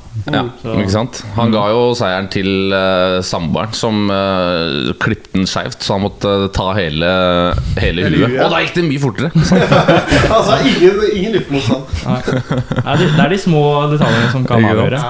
Um, og så var det jo stafettseier på søndag, hvor eh, svenskene faktisk var ute og meldte litt eh, i forkant. eh, Ja, det, det, hvert Han ene gode, Ja, Samuelsson. Sebbe. han, er bra, han er bra, da. Ja, han er bra. Ja. Fin kar òg. Men, uh, Men ikke begynn å melde at du skal slå Norge på stafetten. Nei. Det gidder jeg ikke. Men det var jo du ikke langt Ja. unna på slutten der, da. Altså, Samuelsen hadde en virkelig fin innspurt der. holdt jeg på. Ja. Det- Hvor var Jeg tror du vi hadde ganske god kontroll altså, på den stafetten. Men hvor, Ja, ja. var- hvor var du da Johannes Tingnes Bø brakk staven? Ja, bra. det var Jeg satt i sofaen. Han gikk jo nesten bedre uten stav. Det var, eh, det var skiteknikk på høyt nivå. Men Ja. det der var random at både han og Fak brekker staven på akkurat samme punkt. ja. Ja, Han sa det at snøen var for Ja, var løs, det da, så han datt jo gjennom. Så det er ikke så random alt si, hvis det er der snøen er løs. Mm. det, Det er spesielt. Men Ja. det er på samme dag, på samme konkurranse. Og det har skjedd og, og dårlig føre der. Men stafettlaget er eh, sterkt nå. Ja. Men det er sånn Det er på en måte sterkt uansett. Altså Nå var det jo Legereid som gikk første etappe, men du kan på en måte sette inn hvem som helst, da fordi de er så gode alle sammen. Det kunne Ja. vært Johannes Dale, liksom. Mm. Ja, jo Begynte kunne vært det. Så er du Legereid Da. Lappelund, hvis han da. Han skal få creds for det. Ja, absolutt. Det var vel hans første, eh, eh, første stafett også. Og For første etappe er det jo kjempeviktig. Altså, hvis du får jo to fulle hus der, så har du liksom Ja, da har du eh, Ja, du legger jo grunnlaget. Det, du legger så absolutt grunnlaget. Selv om du kan rette opp mye, da. Ja, Det er bedre å bli jaktet enn å jakte stafett. Johannes uh, bomma jo tre skudd på, på andre, andre skyting. det var ganske, ganske der. men de snakka om en sånn der, litt sånn ujevn vind i forhold til om du la deg midt i eller ut til høyre. Ja. Så han blei jo finta ut uh, som mange andre, da. Ja. På stafetten så har du ikke noe valg. Nei. Lederen må legges først. Ja. Mm. Jeg bare lurer på Er det noen av dere som har skutt med Ja. Ja. Hvor Nei. vanskelig Altså nå Møkkvanskelig. Men da kom sikkert ikke du inn med kjempehøy puls, eller? Nei, jeg kom i eh, jeans og la meg. Nei, Jeg, jeg har faktisk prøvd med øh, høy du- puls. Vi hadde en sånn herre Når jeg sto på alpin, så hadde vi en sånn drill hvor vi på en måte skulle late som vi var skiskyttere, bare uten ski og uten snø. Så vi hadde først løpt en ja, jeg tror jeg rundt en 3000 meter eller noe. Og så skulle man inn da og skyte med mm, på blikkbokser, da, riktignok. Mm. Og på mye kortere avstand. Men øh, det var Det var egentlig ganske Skjøt med luftkøl, eller?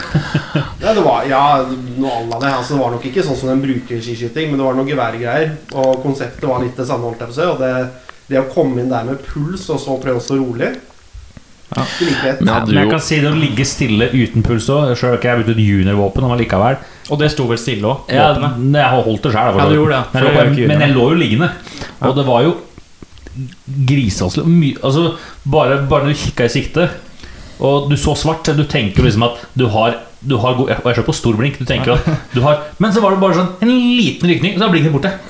Men at du, som er praktisk talt blind, Ola, ikke treffer eh, en prikk fra 50 meter, eller hva det er for noe det er det, men det, det som det som imponerer meg, er hvor lite du faktisk ser det sikte. Hvor liten den der sjøl stor blink Hvor liten den blir på 50 meter. Ja. blir enda mindre for deg, da.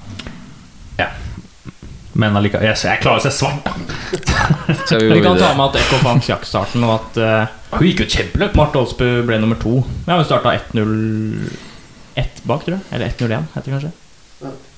20 av 20 treff. Ja, og da, da går jaktstart ganske bra. Og det som er så, Man snakker om at det er så krise med hun Så alt går til, alt går til dundas Og så Nei, det var en konkurranse Så er det back on track Det jeg ikke skjønner der, er sånn Du Du, du er skiskytter. Du eh, jobber selvfølgelig med å, å, å skyte godt, og selvfølgelig mye av det avhenger av med god kondis, sånn at du kan puste godt når du er på øh, ved skyting. Men når du da skyter godt, og, og så blir- klarer å bli tatt igjen med ett minutt, da, da har du lagt inn for lite treningstimer. Da. Ja, du tenker Ja. på de resten av av Ja. andre nordmennene? Ja. Det er jo Nordmennene er jo ne, har nesten alltid best langrennstid, da. Jeg veit det. Det er jo Jeg så-. Jeg så på den første normalen, så hadde vi vel, var vel både Tiril, Marte og, Ingrid. og Ingrid hadde vel topp fem raskeste tider alle sammen. Mm. Og det er jo sånn på en, er født med skill på hendene, gutta. Eh, Ja, det er akkurat det. Og så er det sånn som med herrene, da. eh, Med Johannes. Altså, han kan vinne en sprint med en runde. Eller med en bom. ja. Eller to. Ikke i år, da, men han kunne det tidligere. i hvert fall Ja. Ehm, så Det er det er så deilig å si han, er, han er ikke i form, han har hatt en skikkelig dårlig oppkjøring, og så bare Jeg vinner likevel. Eh, vi må over til uh, alpint. For det har vært, uh, i hvert fall for herrene, så har det jo vært uh, renn. Det er vel én som det er verdt å prate om her nå, Ja. og det er Atle Lee McRath. Mannen med Norges kuleste navn. Mhm. Det, han tok jo først og kjørte inn til en overbevisende 15.-plass, som er personbeste. Og det var egentlig ganske sjukt til han å være.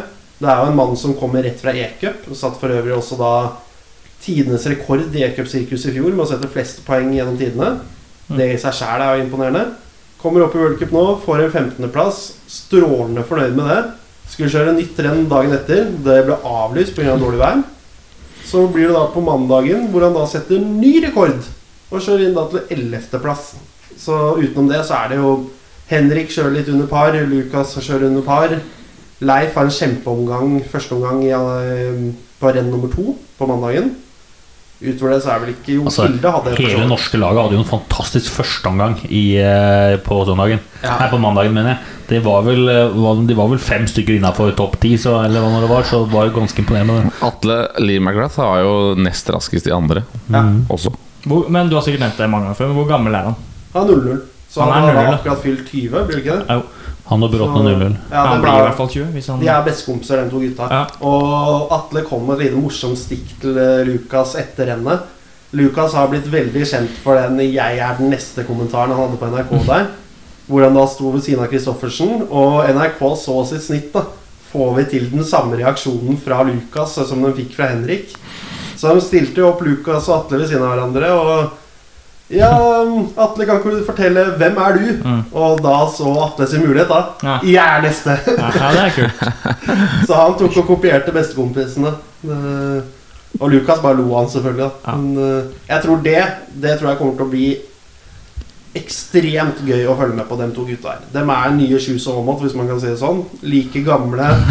Jo, jo, jo men det, det, det mener jeg. Altså, Dem har potensial til å Kan bli, ja. ja kan bli like Ja. gode som dem. Og jeg ser ikke noen grunn til at de ikke skal bli det, hvis de fortsetter utviklingen som de har nå. Så Lucas Lukas ligger vel foran Shoes sånn i løypa, foran til å vinne renn, hvis jeg ikke tar helt feil. Ja, men nå har de litt medaljer, disse gutta her, da. Så jo, jo, det, det, det må komme etter hvert. Og jeg sier ikke at det er en selvfølgelighet at de blir det, men jeg sier at de har potensialet til å kunne bli den nye Shoes og Aamodt. Og det er jo på en måte framtiden av norsk alpin, da. Og det ser jo fryktelig lys ut. Det skal også legge merke til at eh, de to gutta er de to yngste som startet worldcuprennene på lørdag og mandag. Kort om damene, Ola. Hva skjedde der? det holdt jeg på å si blåste bort. Det snødde det snøskredfare, så de måtte faktisk eh, avlyse begge rennene. Og eh, så Ragnhild Mowinckel fikk ikke sin uh, comeback. sitt comeback. Nå går det snart 700 dager siden sist hun kjørte renn. Eh, kampsport det er jo sjeldent vi snakker om, men det har vært en match. Sebastian? Ja, Jack Hermansen møtte Vettori. Det er Italian Dream, som han kaller seg. Uh, litt sånn rar opplading. Han har vel hatt til den kampen så har Jeg husker ikke om dette er tredje eller fjerde motstanderen som egentlig skulle gå til den kampen. Folk har blitt skadet, avlyst, korona, bla, bla, bla. Så veldig rar oppladning for Jack Hermansson. Skulle egentlig møte en som er mye bedre, og forberede seg på det. Og da, hvis han vant den, så skulle han få gå tittelkamp. Var liksom det som var ryktet, da. Og så ble det jo mye endringer. Han knakk jo også tåa, tror jeg det var, et par en uke før eller noe. Så han det mellomlandet vel i Mexico, eller var det New Mexico? Jeg husker ikke, et eller annet sted. For å fikse tåa hans tre dager før kampen. Og det ble en ganske kul kamp, hvis du ser på den med nøytrale øyne. Det ble jo ikke noe knockout eller noe submission sånn sett. Det gikk jo til poeng. Og det var jo en litt sånn god gammeldags street fight, hvis man kan si det sånn. Ja. Altså, det var blod overalt, og den banka løs på Det var, hverandre. det var registrert 296 strikes, altså slag. Det var bikkjeslagsmål, og Dana White uh, ja, utkåra jo den matchen til eh, kveldens match, som betyr også 50 000 dollar ekstra til de gutta. Ja, Nå skal det nevnes at Jack Hermansson tapte, dessverre, på poeng. Så det ødelegger jo Jeg sier ikke at det ikke er mulig for han å kunne få en tittelkamp, men det gjør muligheten hans ganske mye mindre. Nå må han i hvert fall nok gå én eller to kamper før han kan få den kampen som han egentlig var på nå, for å så igjen kunne få tittelkampen. Ja. Så dette skjedde jo igjen, da. Altså Han hadde jo den samme matchen for ja, ganske nøyaktig et år siden. Mm. Hvor han da fikk muligheten til å kunne få Vinner du denne, så får du tittelmatchen. Den tapte han. Samme skjedde nå. Ja, det er litt, altså, det er litt synd. Altså, det kan, sånn kan skje, og sånn skjer Ja. ganske ofte med sånne at du må bytte ut utøvere pga. Ja, enten korona eller skader Ja, eller hva som helst. Ja, ekstra nå, og så, kan det jo ha, ha noe å si at du, du forbereder, deg jo på en utøver også. Og så det, var, var det ikke bare sånn noen dager før, da? Jo, det var ikke lenge. Altså Jeg husker ikke hvor lenge. Det er snakk om maks en uke til. Ja. Men, men det skal sies at den, den ble, matchen ble hylla da, eh, av alle som er involvert i det miljøet der. Ja. Om at det var spektakulært. Så han kom godt ut av det som utøver, selv om han tapte. Var dette også på denne øya, eller? Det er på Fight Islandene. Men uh, bare kan jeg få lov til å komme inn med en anbefaling, da? eller? Ja, det blir kort. Ja, det skal være veldig kort. Ja. Uh, for dem som liker UFC og følger med på litt hva som skjer på innsiden Jack Hermansson har startet en vlogg på YouTube hvor han har fått et ordentlig profesjonelt kamera til å følge seg. Da kan du følge han på innsiden før hver match. da Så Jack, Jack Hermansson på YouTube det anbefales. Veldig bra. Det er bra, det skal jeg inn og sjekke ut. Eh, Da er det klart for eh, ukas eh, nyheter.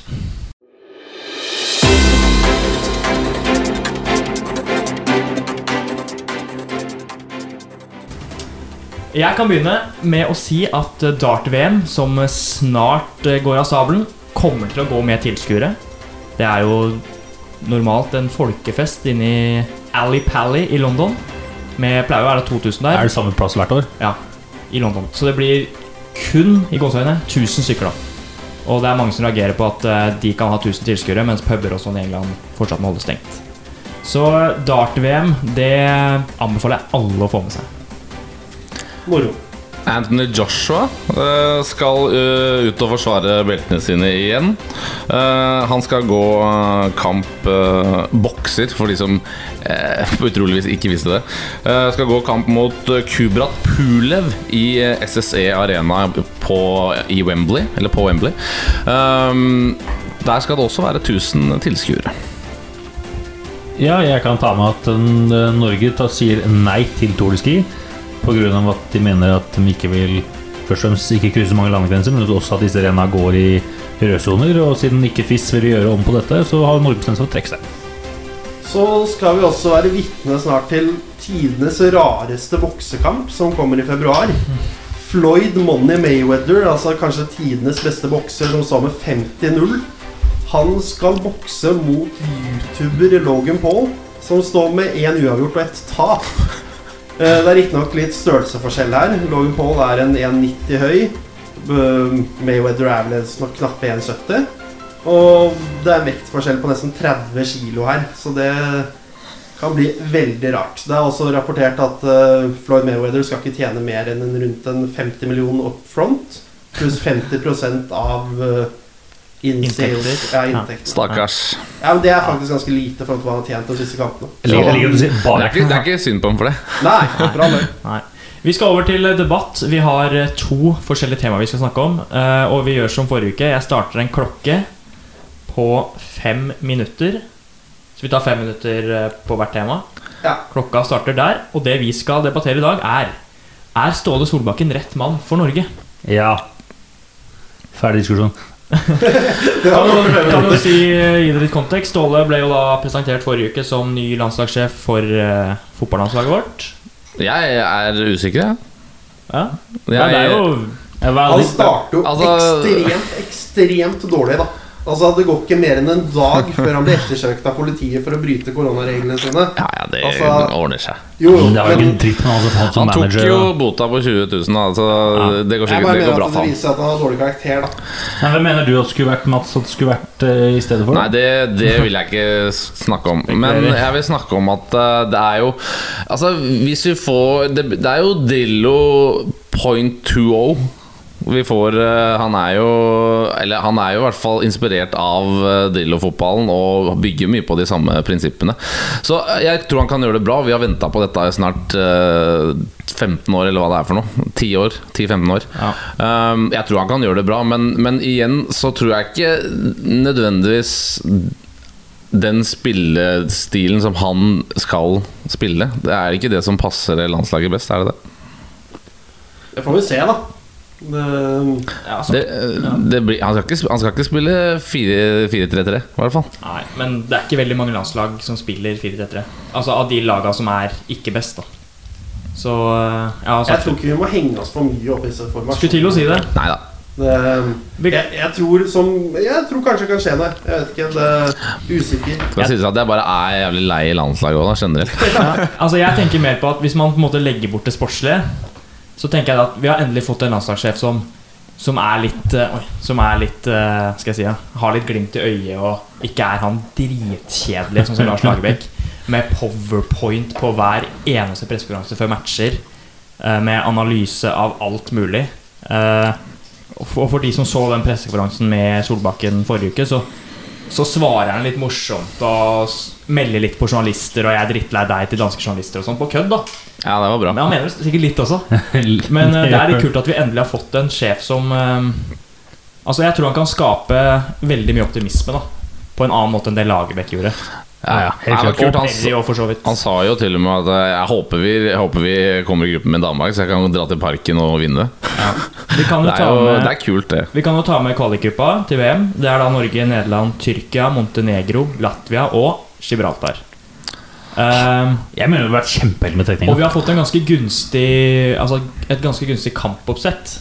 For vi åpner altså borte mot Gibraltar 24. mars. Det er jo tre poeng. Og så møter vi Tyrkia hjemme 27. mars. Det er tre poeng. Og det er sånn Tyrkia veit du aldri hva du får. Eh, Hvem var det som sa det? Jeg tror det var Ståle som sa det selv Ja, faktisk i går. At de kan være fantastiske, og så kan de være helt jævlig dårlige.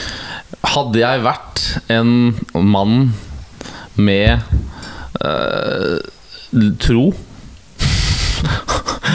på det landslaget, Ja. da har jeg mista alt, så hadde jeg sagt at eh, det er ikke så halvgæren gruppe. Nei. Men det velger jeg ikke å si. Jeg tenker at eh, Det blir en rolig tredjeplass bak Tyrkia. Blir jo åpenbart keepersmell mot Tyrkia Som- igjen. Ja, Thomas Müller ja. Som i 2007. Bare ta med det. Montenegro borte 30. mars. Så det kommer jo tre kamper på seks dager der. Og så har vi Nederland hjemme 1. september. Så vi kan jo faktisk stå med ni poeng etter tre kamper. Og da kan det se ganske bra ut. Ja. Og få 1. september der, vaksine på plass, få fullsatt Ullevål. Det Van. Dijk på plass. Van Dijk på, På- er på- plass. på Wijnaldum Veinaldum i tieren der. Ja, på skuddhold, og så taper vi. Jo, jo, men det holder å gå med to. Ja. Gruppevinneren går direkte, og andreplassen går til et playoff-sluttspill. Så um, Ja, Altså, det- førsteplass er Norge i playoff, det er jo kjempestatistikk. Ja. Nei, men altså, Du skal ikke kimse av at Norge kan være med. For at Nederland har gjort mye rart i kvaliker, de òg.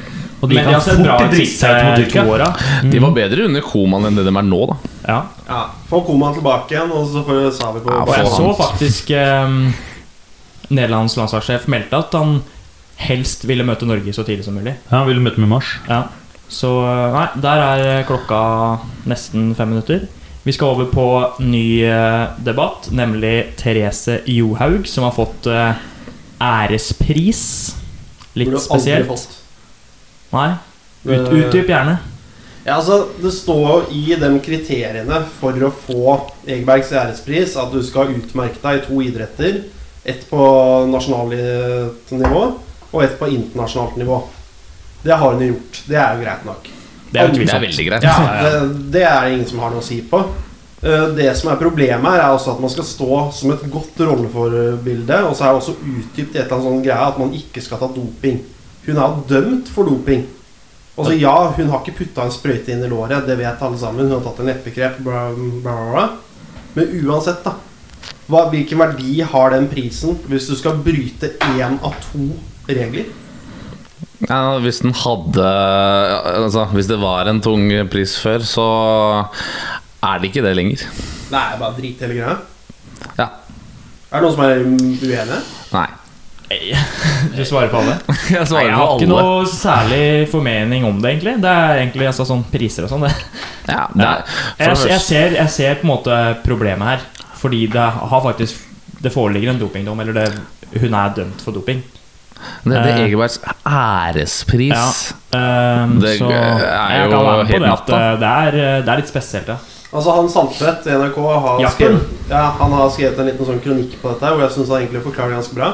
Dette er jo en Utad da så virker dette som en slags form for å renvaske Therese Johaug. Og at vi skal da begynne å misbruke en av de gjeveste prisene vi har i landet, for å renvaske en idrettsutøver som snart er ferdig uansett. Altså, hva faen er det de driver med? Ja, du gjør ikke Therese Johaug noe tjeneste ved å gi henne den prisen. Nei, Hun får bare masse enda mer kritikk. Ja. Debatten Og det er jo ikke, det her er jo, det er jo ikke hennes feil, selvfølgelig. Nei, det er det er ikke noe kritikk til henne nå. Nå er det til juryen. Hva er det de gjør? Nei, det, Olav Lundanes, altså vår kjære verdensmester i orientering, han gikk ut og sa at han mente jo at eh, nå kan du ikke bare legge ned dopingarbeidet når hun har fått denne prisen. Og det er jo beinhardt å melde, men hvis du, som han sier, hvis du leser kriteriene, så er det faktisk det som skjer. Det står ganske svart på hvitt hva ja. Ja. Hun skal ikke ha den. Så hun være Konklusjonen er tommel ned. ja, ja, Kjempened. veldig. Hun skal Ja. ikke være i nærheten av å bli nominert engang. Da sier vi stopp der. Og så går vi over på lytterspørsmål, for vi har fått inn eh, noen spørsmål. eh, Det har kommet inn spørsmål. Jeg tenker vi kan starte med Shona igjen. For hun har ganske mye sånn kreative spørsmål. nå har selvfølgelig flere spørsmål, ja. Ja, hun, ja, hun kommer med mange òg, så det er fint å bare ta alle i et uh, en smekk, holdt jeg på å si. ja. Hun starter jo med enda en skalla fyr, men denne gangen som trener. Snakk om det. Det har vi jo for så vidt gjort. Det er også lagt med bilde av Ståla. Det Norges eh, nye landslagssjef.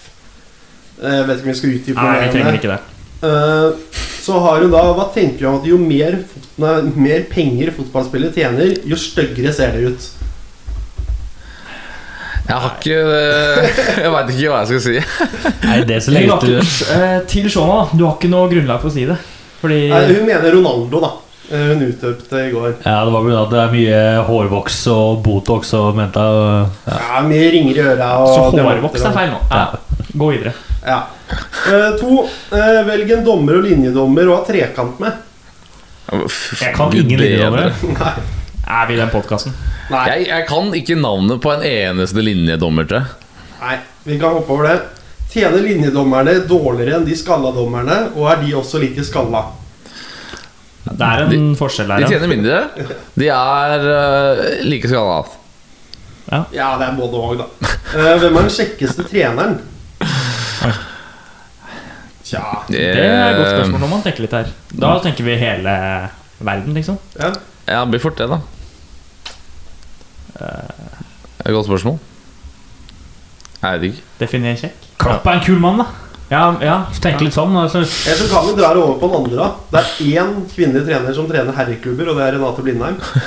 Ja, vi, hun- vi går for Vi gir Renate Blindheim. Uh, har det skjedd at fotballspillere har tissa på seg når de har spilt kamp, slash bæsja på seg? Og der har du jo da den famøse Ramos-historien, hvor han eh, driter på seg i hvit shorts. Og må inn og skifte shorts eh, midt under kampen. Hvem? Sergio Ramos. Ja, ja, ja, ja. Eh, han skulle, trodde han skulle prompe, og det kom mer, da. Det er forklaringen på det. ja. Du har Det er jo jeg det, er ikke debatt Vi, vi, vi, Tenk trenger ikke å dra debattere Sergio. Ramos. Så er det Marte Nilsen som lurer på om vi kan imitere Arne Skeie og forklare hvem han er. Og du har ganske fin eh, parodi på Jeg har ikke parodi på Skeie, men jeg har parodi på Skjelbæk som gjør Skeie. Ja, det, det holder for for jeg meg. vet ikke hvor bra den er. Det holder for meg. Men eh, Ja, Arne. Da kan du fortelle litt om deg selv. alltid like hyggelig her i Garmisch-Partenkirchen, den tysk-østerrikske hoppuka. Over til studio i Oslo. Det er fin, Det er jo ikke bra, men uh, Han han er. Han er bare en legende. Ja. Ja, men alt er terningkast eh, tre i den podden der. Trenger ikke si noe mer enn det. Ja, han er, men, eh, men Skeie terningkast seks. ja, absolutt. Videre. Det er korrekt. Så er det Christian Lykke Knutsen. Han lurer på om George Rus Russell burde vunnet uh, Sakir GP Her må dere som følger med på motorsport, svare. Ja, det, det som var da det, Jeg vet ikke hvor langt jeg skal gå inn i men Han kjører egentlig for Williams. Så, men de har jo samme eh, Ja, de kjører samme motor som Mercedes. Så når eh, godeste Hamilton fikk korona, så fikk han hans sete. Ok, Vi gjør det til ja-nei-spørsmål, for det kommer med altfor mye. Burde ha vunnet. Eh, hadde ikke Mercedes dritt seg, så kunne han gjort Ja, det. nei. Jeg tror ikke han hadde gjort det likevel. Nei, Nei, ok. bare si det, Christian. Eh, Vi er, eller jeg i hvert fall, er jo ikke kjempeinteressert i Formel 1. Nei, jeg er interessert, men det er jo Det er litt begrenset hva jeg får med meg. Null her. Eh, hvem signerer Sergio Perez? Jeg tror ikke han får sete, men hvis noen signerer den, så er det Red Bull. Ja, jeg slenger meg på der. Støtter. Eh, det må også snakkes om eh, London Derby. Er det Teta med rett manager for Arsenal? Nei.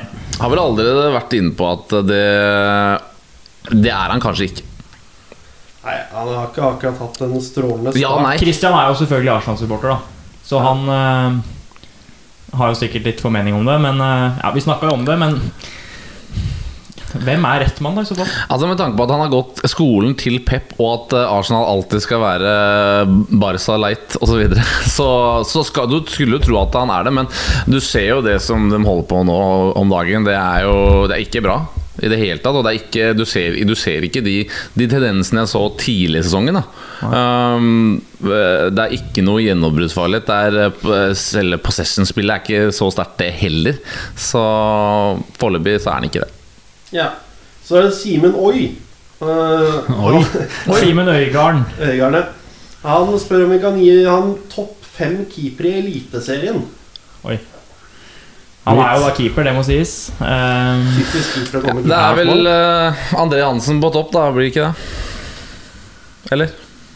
ja, jeg vil jo si det. Ja, men du har fem, jo ja, skal vi, ja, Topp fem. Jeg syns det blir litt rart. Det. Vi tar topp tre, vi. Ja.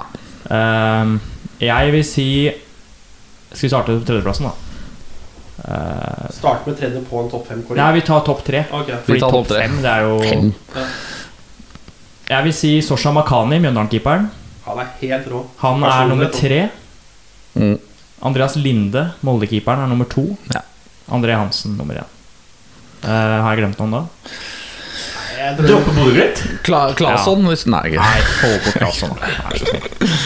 Ok, så er det Jave M. Havnes. Han har jeg aldri klart å uttale navnet på. Jave eh, Havnes. Ja. Eh, alle med to armer og to bein kan dømme Tippeligaen. Hvorfor er norsk dommere så dårlig? Det, han er, det skal sies han er Brann-supporter og ikke, ikke god, godt humør om dagen, sikkert. Nei. Selv om kanskje fordi de har holdt plassen nå. Jeg Men, har eh, ja. forberedt eh, en liten spalte som er kalt for Stians rant, hvor jeg skal uh, snakke litt om nivået på dommerstanden i Eliteserien.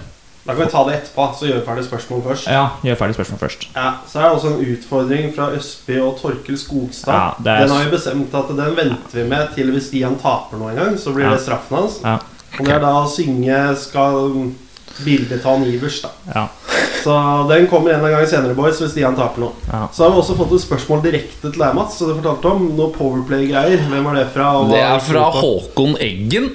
Som, eh, som gjerne vil at vi skal sette opp et powerplay. Altså i hockey. Han er veldig en hockeyfrelst mann. Um, hvor vi skal sette opp fem mot tre og bare ta fra samfunnet vårt. Altså fem, eh, fem som har gjort det bra, og tre som har gjort det heller dårlig. Altså, dette må ikke være idrettsutøvere. Dette er Dette kan være folk Det er jo Norge eller verden. I Norge. For idrettsutøvere er ikke folk. Jo, eh, gærninger, men de er folk pluss. Ja. La, la oss ta begrense til Norge, ellers så blir det så svært. Ja, greit. Skal vi starte med de tre negative først, da? Vi kan starte med cap'n Kari Jakkesson. Ja, det Kari Jakkesson eh, Hun må være cap'n der. Hun skal, hun, skal bli, hun skal bli spilt rundt med. Ja. Det er helt riktig. Jeg vil jo også ha en Abid Raja der, da. der er jeg jo helt uenig, så da kan bare stryke. Abid Raja Ja, det er demokrati her. Er det flere som er med på Abid Raja? Nei, ikke, altså, Han skal få Han fått et pass av meg i koronatiden. Altså. ja, får det samme av meg. Ja. Betyr det at han er med? Jeg vil altså, Det vil si at han ikke er med, da, tenker jeg. Ja, Ja. Ok. Jeg vil ha en uh, Petter Northugs meget dårlige timing Nei. med Altså, du, jeg har hørt låta, og låta Det er helt ok ternekast tre, det, altså, men, uh, men den timinga er helt er nydelig. så dårlig. og Basert på det så blir du eh, høyre back i den eh, treeren der. Altså. Det er ikke noe å lure på. Er det noen som er med på den? Jeg har liksom ikke noe formening om noen på det laget der, egentlig. Men, uh... Jeg kan være med på det med Northug, for jeg syns timinga var latterlig. Ja. Ja. to, men jeg vil nominere, jeg vil er nominere en som vi kanskje ikke tenker på. Fordi det var sånn at vi skulle sette opp Powerplay med Tre negative tre og negative. 15 positive. Fem, pos fem positive. Ja. Jeg vil nominere Kjetil Dale i TV 2. Han som styrer med valgsendingene. ja. Den jobben de gjør i forkant av presidentvalget Positiv nå, da, eller? Ja, positiv, ja. Ja, men skal vi gjøre det med negativ først? ja, ok. Jeg er så positiv, jeg. Ja. Stian tenker kun Men positivt. eh, da, da kom Northug inn der. Ja, Nordtug er og da Så vi mangler- den siste Da nå, da. mangler vi en, eh, en Mangler til. Ja, vi mangler jo Vi kan ta, hele, vi kan ta juryen på jeg vet Egebergs ærespris. Jeg skulle bare flytte Hele hele juryen for Det eh, er plutselig ikke noe powerplay lenger. Hele juryen som, som siste Altså, De har så dårlig dømmekraft, så er de dårlige på skøyter òg. Juryen er én, da. Juryen er jeg stemmer. Jeg Jeg tar med på det. juryleder, da. Nei, ta Nei, hele, hele hele juryen på Vi kan ta juryens begrunnelse. Ja, Det er ark som ligger på venstresida Ja, der. her er alt er lov. Ja. Kan Men skal vi litt sette han der Var det Kjetil du kalte han? Kjetil Dale. Er han captain for den positive? Nei, for han er på en måte ikke Han har ikke gjort det mest. Kaptein er Nakstad. Så bra har det ikke vært, da. Nakstad syns jeg har gjort en Altså, jævlig bra jobb. jeg Altså. støtter det. Få på Nakstad på, på høy, som, som point. Ja. Som han Han er jo point i Han skal få være med. Ja. Eh, Hvem andre positive her kan ha med? Nå er det to. Jeg syns Bent Høie kan være med. Jeg synes han har gjort en god jobb. Eh, Holder med politikere nå. Ja. Ta litt annet. Eh, ja, vi setter jo Vi må ha en idrettsprestasjon her du også. Jeg vil, jeg vil ha med én politiker til. Jeg, jeg vil Ja ha med Trygvold Slagsvold Vedum, men innlosjert i det der fugleskremselet på Maskorama. At han står på skøyter i det skremselet der. Ja, vi har den. Er vi med på den? Ja, greit. Ja, hvis du har idrett, kan du kjøre nødlandslag. Jeg syns de imponerte. Ja. Ja, nødlandslaget på venstrebekk. Hele nødlandslaget Ja, Nei, vi tar dem på høyrebekk, for da tar vi hele juryen. vi tar, hele vi tar hele nødlandslaget som senter Ja. I, eh, i formasjonen. Så da har vi bekkene senter. trenger vi to forwards. Ja. Hvem har, hvem har Hvem er det som skal score mål? da? Hvem er det som skal uh... Det er vanskelig å ikke ta med Braut når du skal Ja, skåre mål. Braut er en av de. Ja, vi, ja, vi må nesten det. Braut hadde sikkert vært en bra hockeyspiller òg. Vi må, må nesten det, ja. ja, kanskje. Og den siste som har utmerket seg i 2020, hvem faen kan det være? Du er egentlig Kasper Wikstad, for han fortjener det. Ja, Jeg er egentlig Herman Flesvig. Flesvig. Flesvig? Han har jo tatt over eh, Ja, han er på Ja, jobb. altså, han har vært, virkelig vært på jobb, men jeg, jeg vil heller egentlig vike da. Men, men Han det, er, det er sånn Nei, det er sånn, det er sånn sympatiplass. Ja, okay, da det er jo. Han har ikke uttrykt seg positivt fordi han har fått kreft. Nei, men det er mer det etterarbeidet han har gjort etterpå, da. Ja da. Ellers skal jeg til kong Harald for et, et intervju med Karsten Warholm. Eh, Karsten Warholm. Han, er så, han er så jæklig legende, altså. Skal kongen få høyre, Ja, vi, høyre vi må nesten videre her, altså. Vi er Vi eh, til kongen. i podden. Skal jeg sette opp det? Vet du hva, Jeg lager en grafikk på dette her som legger ut på Instagram. Nydelig. Ja. Vet du hva, den ranten, den rekker jeg ikke. Jeg kan eventuelt ta det seinere. Ta en kort, da. Kan ikke gi deg 30 sekunder på klokka? Nei, det blir for lite. Jeg må ha mer. Vi dropper den. Uh, vi går- må over til eh, kommende uke. Uh, Skjebnekamp for Real Madrid i kveld, altså onsdag, møter uh, Borussia Mönchengladbach. Må faktisk eh, vinne, så jeg ikke tar helt feil. Ja. Det er, De må pot vinne. det De er potensiell bananskall, det, altså. Det, ja. De har de gått på et par ganger, tre ganger, fire ganger vi snakket om Barcelona som har brukket rygg. Real har brukket et par ryggvirvler, dem òg. Og Zidane er vel ferdig hvis han ryker i kveld. Nei. Ikke? Vanskelig å si. Han får ikke, fyr- han får ikke fyken før han går sjøl. Real Madrid ut av Champions League. Er ikke det, er ikke det det er jo- Det er mer enn nok til å gi han fyken. Det er klart Men det, problemet er at det er ikke alternativer der. Altså Hadde Ancelotti hatt fri Det er alternativer. Maurizio er der. Nei, de kan få, de kan få Solskjær. Solskjær og så Pochettino til United. Ja. Åh. Nei. Uh, Ødegaard er ute med skade. Vi tror vel at Real Madrid vinner den. Jeg vet ikke altså, som Mönchengladbach er, god, er veldig, veldig god om dagen. Alessandre Plea, for, for eksempel, gjør det meget bra. Og så er det vel eh, du, Dennis Sakari altså, jeg, tror Jeg har troa på Gladbach, som dere skal få vite senere. Nei, jeg tror Real tar det hjemme. Så det Jeg tror fort det kan bli uavgjort. Ja. Det ryker. Og så er det kamp i Hva blir det? I morgen. Molde møter Rapid Wien borte. Molde trenger ett poeng. Um, Det tror jeg de får òg. Ja, vi satser jo på det, selv om Rapid er et godt hjemmelag. Det sa vi om Sevilla òg. Men uh, den kampen går da fem på sju i morgen. Uh, så vi håper at Molde skal komme seg inn i et uh, sluttspill i Europaligaen. Det var kult. Det gjør litt- det gjør litt vondt å håpe det, men jeg håper det likevel. Ja, nei, vi må heie på norske lag. Vi må heie på norske lag i Europa. Det syns jeg. Også på lørdag så kommer det et eh, Manchester Derby. United tar imot eh, City hjemme på Old Trafford. Drømmenes teater. Det er- blir full bingo, det. Det er uh, bingomatch. Eller er det det? Vi var litt inne på den kampen i stad. Dette er en skjebnekamp på mange mulige måter. Både for Solskjær-laget og alt mulig rart. Så mm, den kan få ringvirkninger da i etterkant. Av en eller annen rar grunn så har Solskjær hatt sjukt god kontroll på City. Jeg skjønner ikke hvorfor, men så Lever jo sine Hva heter det? Passer jo, dem, liv, passer jo dem veldig Eller passer jo dem ypperlig at uh, når folk skal holde på session og bryte gjennom, dem kan eh, kontre med alle de raske spillerne. Ja. Så, men uh, akkurat nå som uh, City er kanskje litt i oppsving, jeg tror, uh, tror de ryker der. Ja, det overrasker meg ikke. Nå overrasker ingenting meg lenger, så Men jeg har snakka nok om United. Next. Ja. Eh, og så kommer det en eh, Madrid-derby lørdag kveld klokka ni. Er Real kul. Madrid, Atletico Madrid. Og den kampen er viktigere enn det de fleste forstår. Fordi hvis det er sånn at Atletico vinner den kampen, så kommer vi også på et punkt hvor Real Madrid aldri har vunnet ligaen når det ligger så mange poeng bak. Ja, Da er de ni poeng Ja, Og det, med seier. da blir det tittel på Atletico eh, til jul. da er Ni poeng er jo ingenting, da. Nei, men det har aldri skjedd før. Men det er Atletico som har sluppet inn to mål. da. Men det, ja, historisk sett så har det aldri skjedd før. Og- Bare seg tolv poeng bak. Ja, og det skal også legges merke til her at det er kun tre lag som aldri ikke har spilt i øverste divisjon i Spania. Det er Barcelona, Atletic Bilbao og Real Madrid.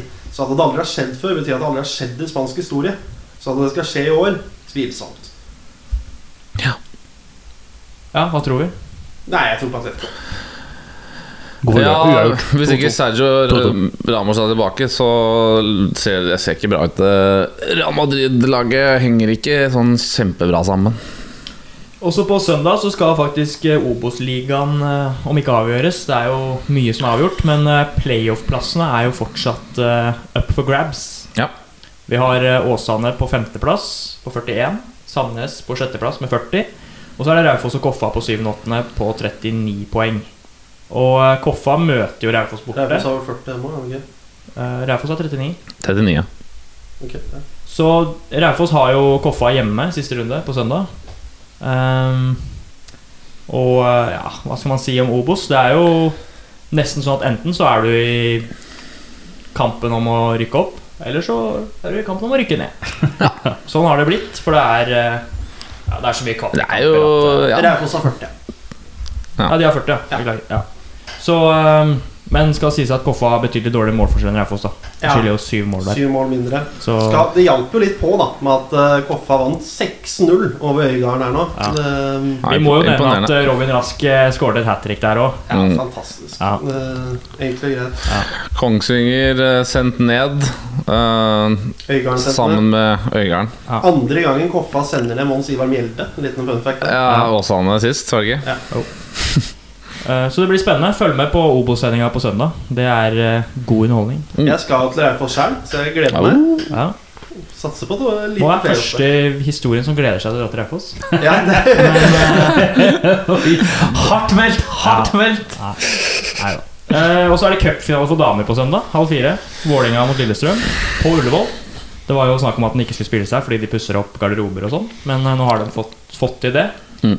Så da spilles det cupfinale der, og det blir vel Vålinga det. Det skal bli the double. Ja, det blir Vålinga Trenger ikke å si så veldig mye mer enn eh, at det blir Vålinga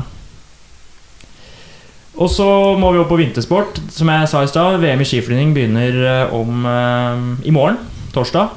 Det er fortsatt ikke tatt ut noe lag. Har reist ned med syv mann. Og så er det vel fem som får være med, fordi Tande er regjerende verdensmester. I Planica eh, Ja Kan nevne Robert Johansson, som er fantastisk skiflygning. Så bare håper vi at uh, hva eh, skjer med Granerød? Jeg snakk om at han har jo vært i nærkontakt med en som har blitt tatt, tatt i korona, som har mistet, blitt tatt for korona. Eller tatt, tatt, tatt, tatt, for korona, Altså, det er tatt, en positiv test. Nei, nei, det har jeg ikke lest om, faktisk. Han kjenner korona. Jeg tenker, Han er Vi hadde kanskje lest om det hvis det Jeg var leste om det i går kveld, at han var, han var stressa. ja, okay.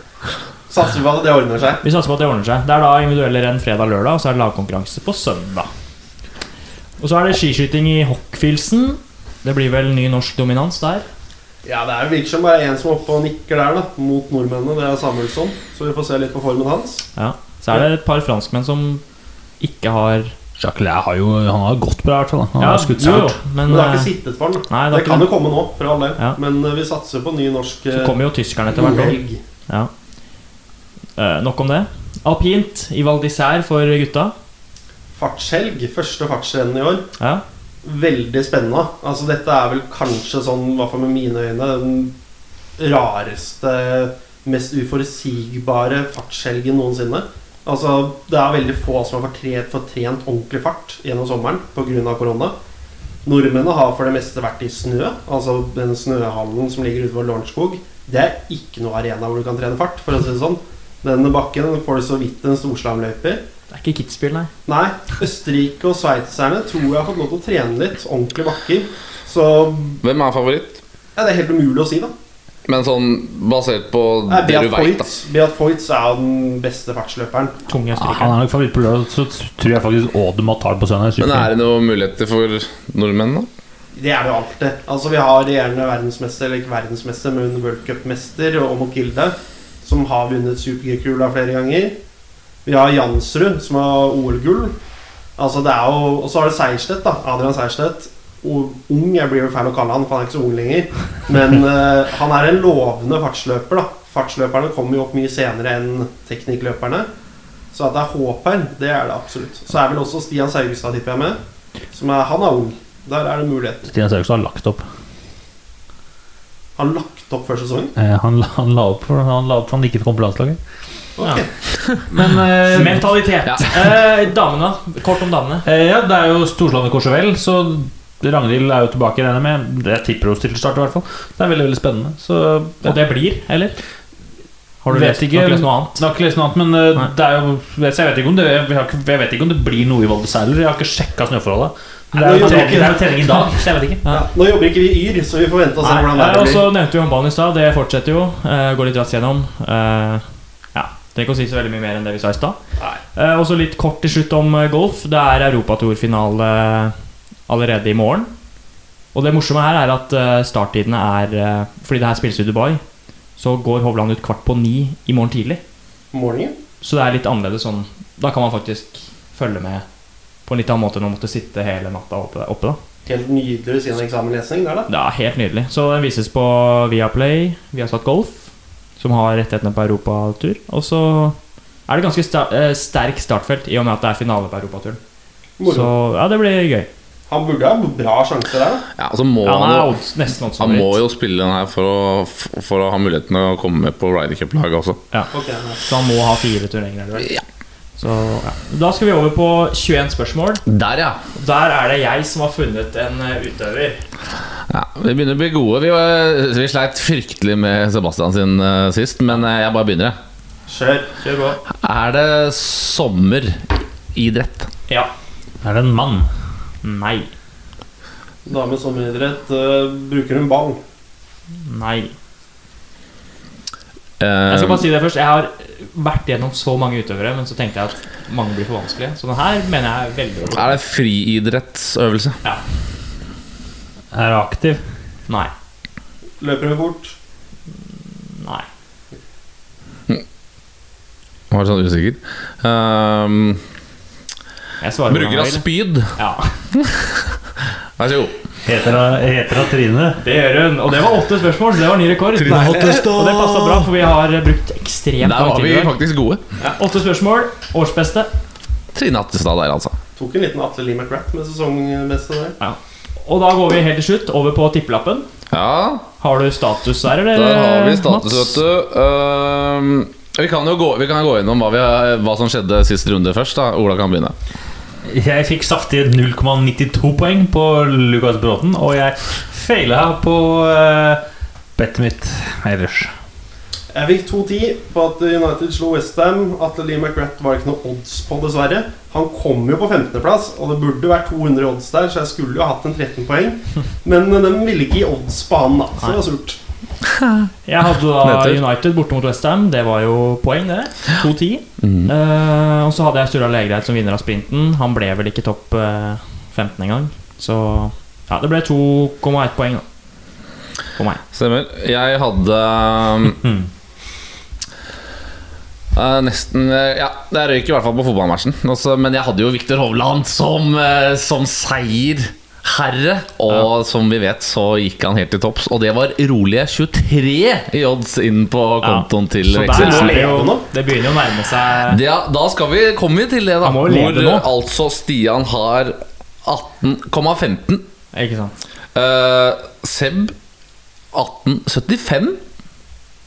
Er det med dagens poeng? holdt jeg på å si? Det her er med dagens uh, Eller poeng. forrige ja. ukes Det er helt riktig. Ola eh, på 26,8. Og Vekselsen helt opp i topp. 34,8.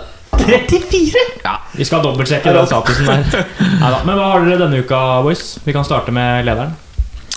Jeg har valgt uh, Ja, som jeg var litt inne på i stad. München Gladbach, som er, eh, er gode i år. Ordentlig gode i år, og skårer alltid i første omgang. Så jeg har faktisk gått for pausespill. Oi! Hvor eh, Gladbach leder til pause mot Real Madrid i kveld. Det er gode odds, tror jeg. Ja, det har jeg ikke sett akkurat hvor eh, høy den er, men ja. den regner jeg med er relativt høy. Sånn rundt eh, seks, tenker jeg. Og som eh, individualist så har jeg gått for at eh, Chad eh, Costello, tror jeg det heter. Um, eh, ja. Den amerikaneren til Stavanger Oilers skal skåre mål mot Lillehammer på lørdag. Ola? Eh, jeg syns Westham spilte såpass bra mot United, så jeg går for Westham borteseier mot Leeds på eh, søndag, vel? Ja, nei, på lørdag. Og eh, går for den. Og så går jeg for Odomat super-G på, søn- på søndag. Jeg kjører at uh, Villarreal skal ta en borteseier mot Betis 2.36. Og så tror jeg at Adrian Smiseth Seierstedt kommer til å gjøre det bra på Super G. Odds uh, håper jeg kommer. Det får vi satse på. Uh, til slutt, jeg har uh, Newcastle hjemme mot West Bromwich. 2,30 odds. Et eh, West Bromwich-lag som ikke ser bra ut, og et Newcastle-lag som ser sånn glimtvis greit, greit ut. Ikke dumt. Så ja, oddsen er vel eh, helt riktig. Eh, og så har jeg at eh, golfturneringa i Dubai skal avgjøres etter playoff. Jeg spår en eh, jevn turnering, og oddsen er da fem da, på at eh, det blir eh, omspill. At eh, to eller flere er likt. Trodde du skulle, bli, skulle, trodde, trodde du skulle si avlyst, jeg nå. Nei, det hadde vært høy odds, tror jeg. Sikkert odds på det òg. Så det var det vi hadde for i dag. Da sier vi bare ha det bra. Ha det, ha det. Ha det